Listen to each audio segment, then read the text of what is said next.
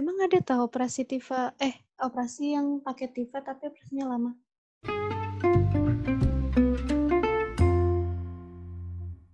Assalamualaikum warahmatullahi wabarakatuh. Kembali lagi di Popa, podcast penata anestesi. Wadah buat sharing kasus, refresh materi, dan curhat suka duka di dunia pembiusan. Kali ini beda dengan episode-episode sebelumnya ya.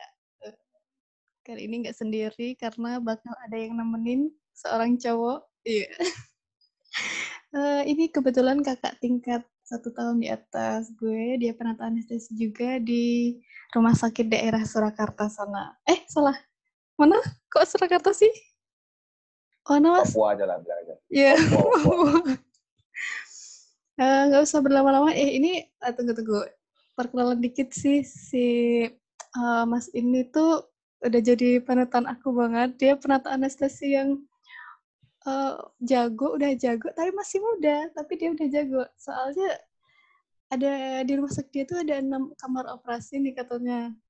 Nah, tapi yang jaga tuh cuman kadang cuman ada penata satu sama dokter anestesi satu. Padahal enam-enamnya jalan. Kebayangkan eh, kerjanya tuh udah bagi tugasnya sama dokter anestesi, tiga operasi, eh, tiga kamar operasi, tiga kamar operasi. Jadi gak usah lama-lama lagi, kita sapa aja. Ini Mas titik-titik apa ya, Mas Mas Bambang, Mas Bambang aja. Bambang, Bambang. Sebut saja Bambang. Mas Bambang, halo. Halo.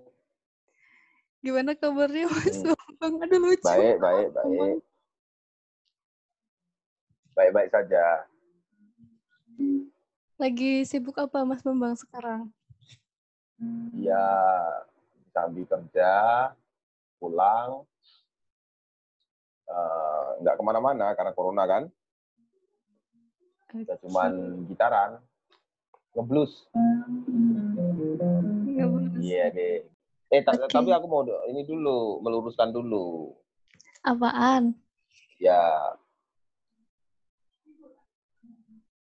tidak selalu pekerjaanku itu tidak selalu satu dokter anestesi dan satu penata tidak selalu itu hanya di hari-hari tertentu aja di hari libur misalnya. Atau ketika yang lain pada libur ya paling tidak kita yang jaga satu atau dua.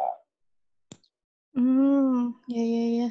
tapi untuk hari biasa biasanya dua.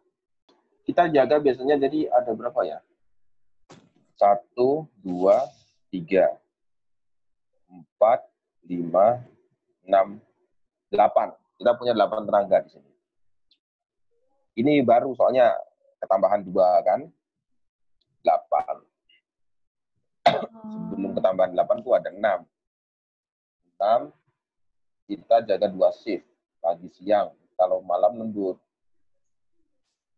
Jadi kadang-kadang tiga di pagi siang dua malamnya nanti satu orang lembur gitu ceritanya tapi kalau di hari minggu kan yang ada beberapa yang libur pengen lihat keluarga lah aku yang eh, jomblo ngenes ini ya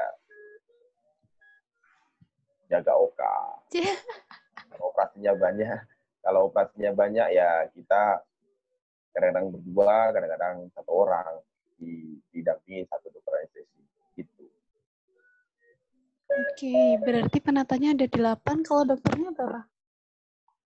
Dokternya ada sih. Satu dua tiga eh, empat lima enam. Eh satu dua tiga empat lima enam enam enam. Dokter enam. Satu hari satu, gitu. Satu hari satu. satu hari satu. Satu hari jadwal pagi itu satu dokter jadwal siang satu dokter. Kecuali ketika ada operasi yang eh, harus dibantu. Contohnya kraniotomi satu misalnya ada enam oka satunya kraniotomi yang lainnya oka oka GA semua atau yang lain.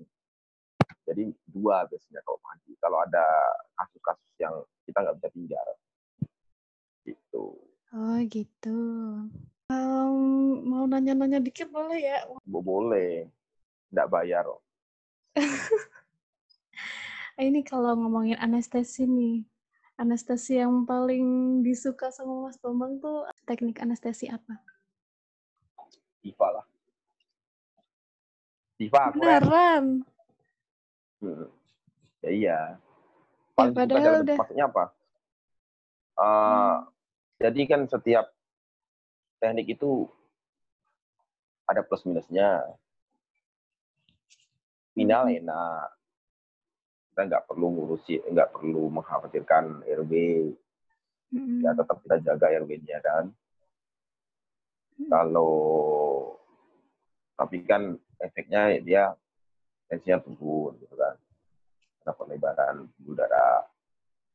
Iya. Kalau GA ya nanti kita intubasi dan intubasi.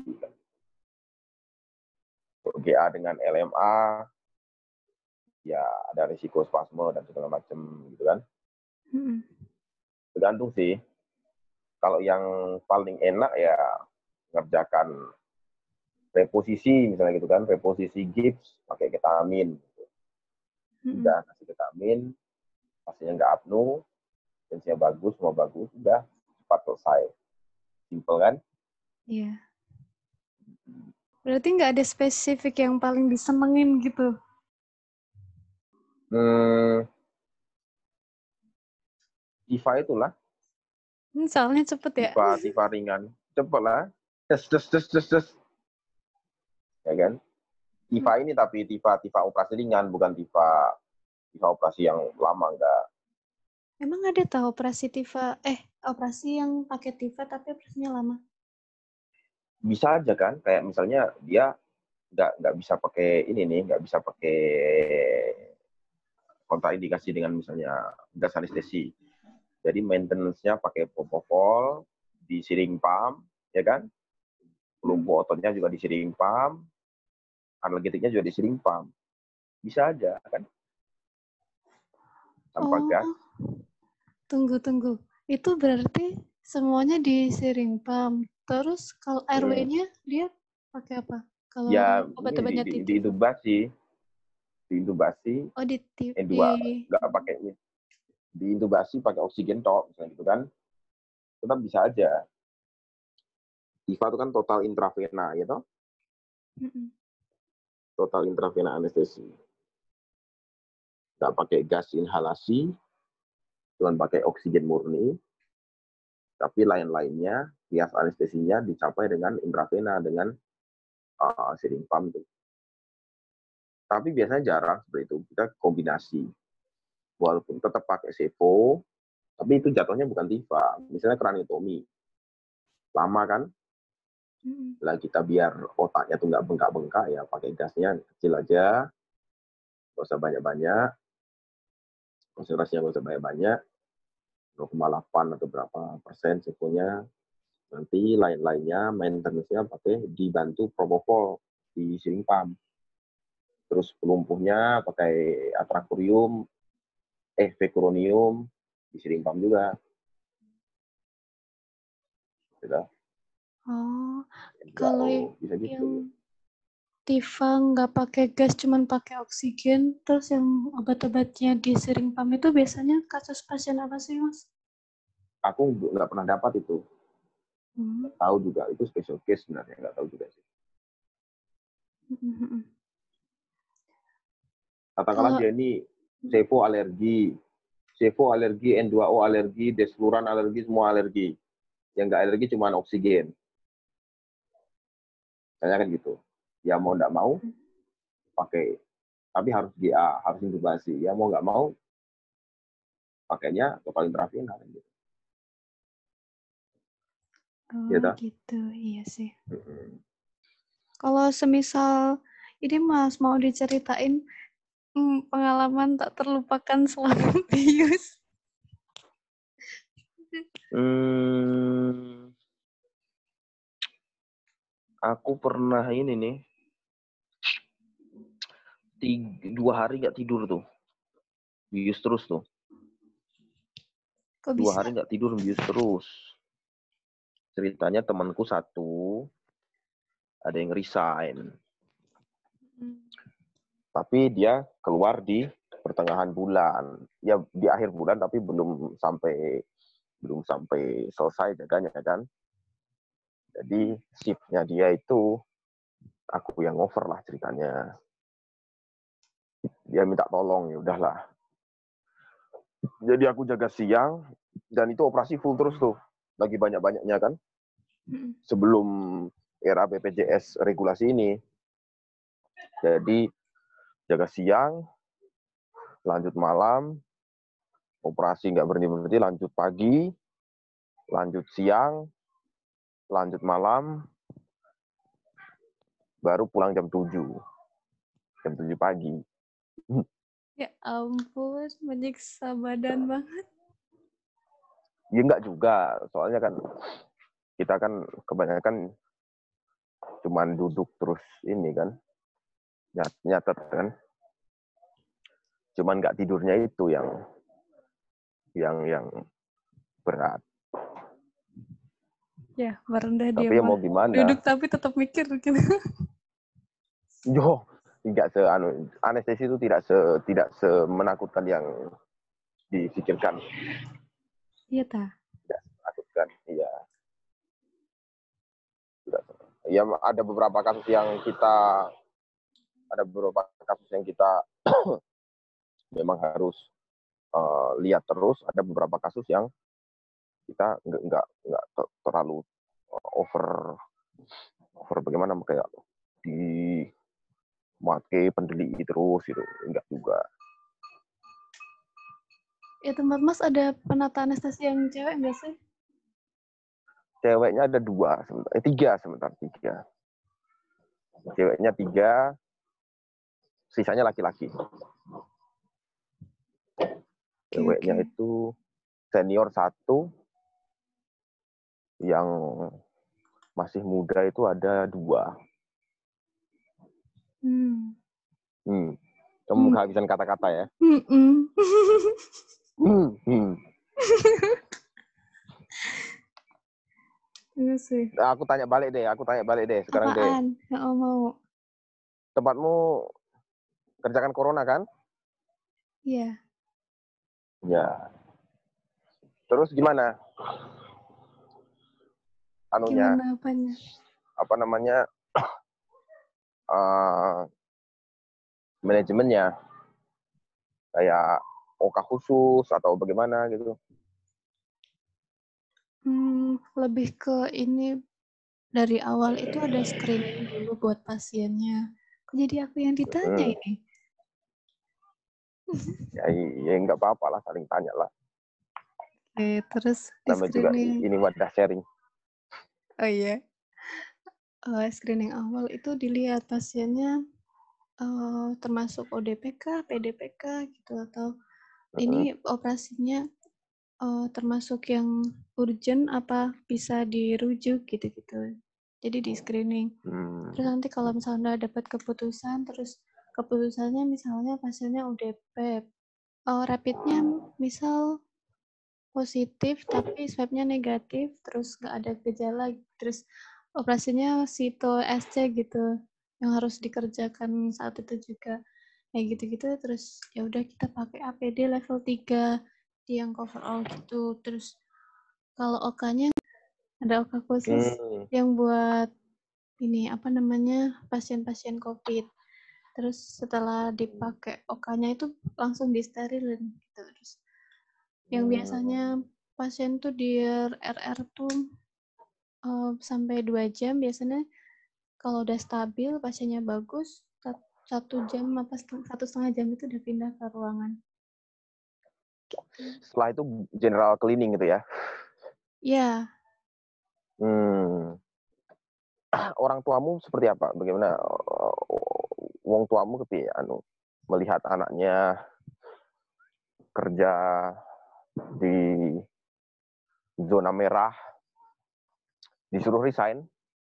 Hmm, iya. sebenarnya yeah. kalau bapak sama ibu tuh yang penting kayak akunya sehat gitu. Masalah mau kerja hmm. melayani pasien COVID dan lain sebagainya kan itu udah jadi kayak tanggung jawab udah udah apa ya ya orang, orang kesehatan kalau Hmm. ada orang sakit terus dia melarikan diri kan itu namanya nggak lucu tang nggak tanggung jawab Iya. jadi ya buk nggak ada istilah apa namanya disuruh resign gitu nggak ada sih Hmm. Kalau orang tuh orang tua aku awalnya malah suruh aku resign tuh. Kamu Iya? balik kerja aja gitu. Mm-mm. terus resign suruh ngapain jelaskan. Terus tak jelaskan kan. Begini, kita itu di ruang operasi itu zona yang mungkin uh, relatif lebih aman dibandingkan di tempat publik. iya sih, karena- benar. Setiap pasien yang kita tangani itu sudah lewat beberapa screening kan, dan kita juga disediakan alat pelindungan diri, gitu. Kasih alat pelindungan diri, kita dekat dengan fasilitas kesehatan. Kalau ada apa-apa gampang. Terus, alhamdulillah masih dibayar kan gitu. Kalau aku resign, tak jelaskan tuh ke orang tua. Kalau aku resign, pulang ke Jogja, terus aku mau ngapain? iya makanya Oh. itu Toh tidak menutup kemungkinan aku akan kena corona juga di angkringan atau di pasar. Saya kan nggak tahu. Dan aku punya harga diri lah. Masa corona begini aku lari terus resign kan mau ditaruh di mana muka aku tuh. Nanti kawan-kawanku pada pada tahu. Oh, resign tuh kowe. Wah, cepen. malu menanggung menanggung malu di di organisasi malu, di masyarakat malu, sama teman-teman malu. Toh ngapain juga resign? Orang kita di sini sekarang kan ujungnya sama-sama. Ayolah kita sama-sama, ya kan? iya Yang tugasnya nanganin orang medis ya ayo sama-sama. Yang tugasnya gimana ya ini sesuai tugas saja masing-masing kan gitu. Tapi karena masyarakat Indonesia ini beberapa nggak bisa dibilangin dan segala, segala macam ya ya udah serah kan apa adanya aja pasrah.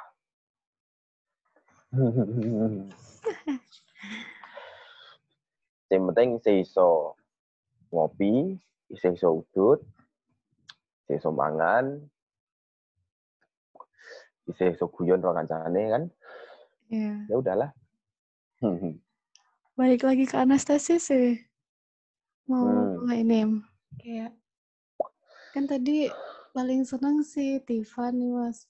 Eh, kalau ngomongin soal Tifa tuh kemarin tuh aku habis ngobrol-ngobrol sama penata anestesi juga. Nah dia tuh akan kalau tempatku nih kalau Tifa tuh paling obatnya tuh cuma Recover, Midazolam sama fentanyl.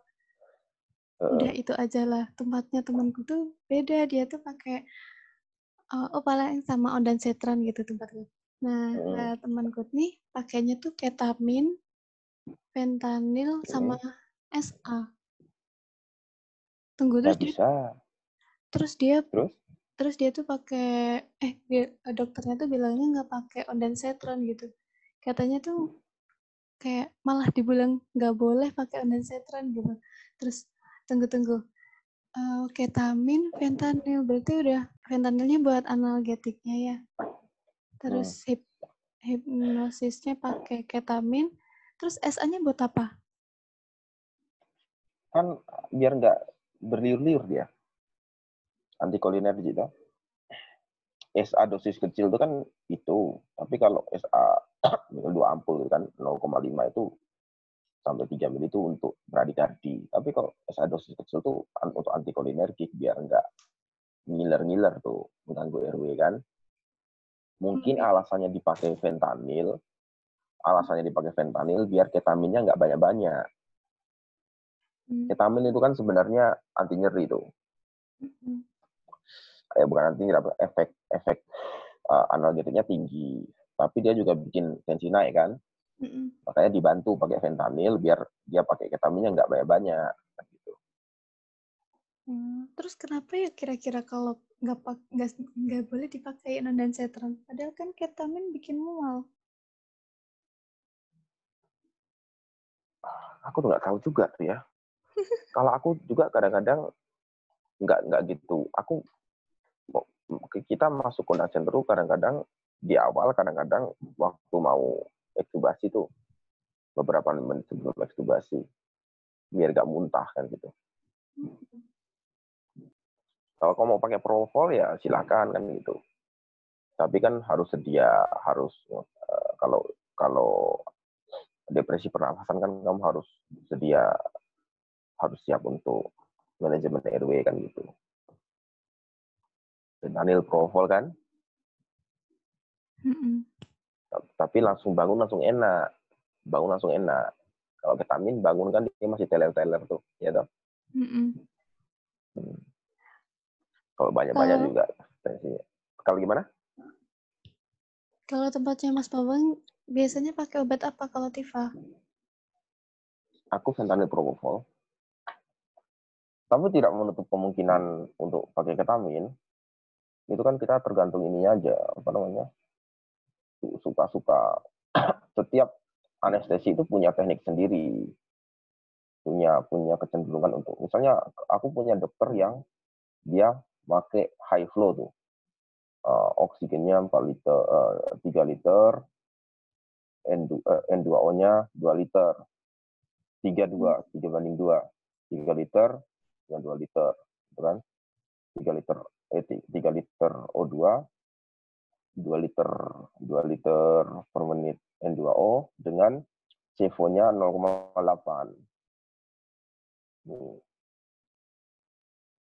0,8 persen. Mm 0,8. Ya. Dikit banget ya. Mm -mm. Dikit banget. Tapi ya aman-aman aja. Dan ketika misalnya pasiennya ada gejolak sedikit, misalnya lagi gerunjel karena pelumpuhnya beruncul karena pelumpuhnya habis duration of actionnya ditambahin gitu kan 10 mg untuk pasien dewasa ya hmm terus kalau nyeri ya kasih fentanyl paling 50 mikro begitu tapi ada yang suka pakai low flow pakai mesin dragger itu mesin dragger yang udah canggih itu pakai low flow tuh flow-nya sekitar paling banyak 2 liter per menit. 1,8 kadang-kadang. Tapi kita harus mikir absorbennya harus nggak boleh habis. Terus sevonya 2 dua persen. Hmm. Terus kalau nyepinal ada dokter anestesi yang suka pakai di paramedian. Paramedian pakai jarum 27. Hmm. Terus di di dilidokain dulu. Dan yeah. kalau iya. daerah Jogja ada yang pakai midazolam. Kalau tempatku kita nggak pakai midazolam. Ada yang induksi itu pakai ada yang premedikasinya itu pakai esaundan, terus induksi langsung propol. Ada yang esaundan midazolam dihajar di baru ditambah propol ada hmm. Ada yang suka nggak pakai fentanilnya belakangan, ada Esa ondan, propofol dulu, baru masuk fentanil. Iya. Soalnya katanya kalau katanya fentanil itu kalau kita terlalu cepat kan bikin batuk kan? Iya, betul. Sama dia ada kemungkinan pernah ada kasus rigiditas ini nih otot-otot interkosta tuh Kenapa? Bisa itu. Fentanyl itu ada kasusnya dia bikin rigiditas otot interkosta. Hmm. Apa tuh maksudnya? Nanti penak. Jadi efeknya kata beliau ini otot-otot interkosta tuh kaku. Jadinya di kaf itu susah. Hmm. Kalau di, hmm. ada efeknya itu fentanyl. Nanti di di apa namanya penataksanaannya di gentle chest compression gitu. Jadi kita kayak CPR tapi nggak kayak CPR, pelan aja gitu. Kita kita tekan sedikit ininya dadanya krek gitu sedikit, hmm, udah enak dua kali atau tiga kali. Wah. Gitu. Macam-macam sih. Iya sih. Aku ngerasa kalau bius pakai Tifa tuh karena banyak banget sen eh kayak banget banget apa gayanya kalau Tifa itu jadi kayak merasa uh, anestesi adalah seni tuh di Tifa banget ya. Tifa tuh kayak membuktikan kalau anestesi itu emang seni gitu. Jadi bermacam-macam banget. Kayak satu dokter dengan dokter yang lain satu penata dengan penata yang lain tuh kalau main Tifa pasti beda-beda. Ya nggak sih? Ya itu ininya anu sih. Kita kalau membius itu kan yang kita pertimbangkan satu kondisi pasien kan gitu kan. Kondisi kondisi pasien terus ketersediaan alat-alat gitu. Ketersediaan alat-alat dan ketersediaan obat. Terus tingkat kemalasan kita sendiri juga. Gitu kan. Gimana kalau tuh? Bisa malas, diperjelas? Ya iyalah kalau kita lihat kemalasan ya gimana ya? Bilangnya ya. Misalnya aku di luar luar Jawa tuh ya kan? Mm. saya aku di luar Jawa terus nggak ada sirkuit nggak ada gimana gimana misalnya misalnya gini mesin anestesi cuma satu dan itu dipakai GA terus ada yang minta untuk kureto di VK misalnya. Di aku Tifa di Tifa di VK pakainya ketamin gitu kan? Biar hmm. nggak nggak ngurusin RW berlebihan gitu kan bukan bukan kemalasan sih ya tergantung kondisi lah terus misalnya aku punya dua OK aku jaga sendirian misalnya gitu kan atau yeah. dokter spesialis anestesi itu sendirian dua-duanya kuret gitu kan bersamaan ya bisa yang satunya di spinal yang satunya di Diva dengan propofol bisa. Dua-duanya dipakein ketamin bisa.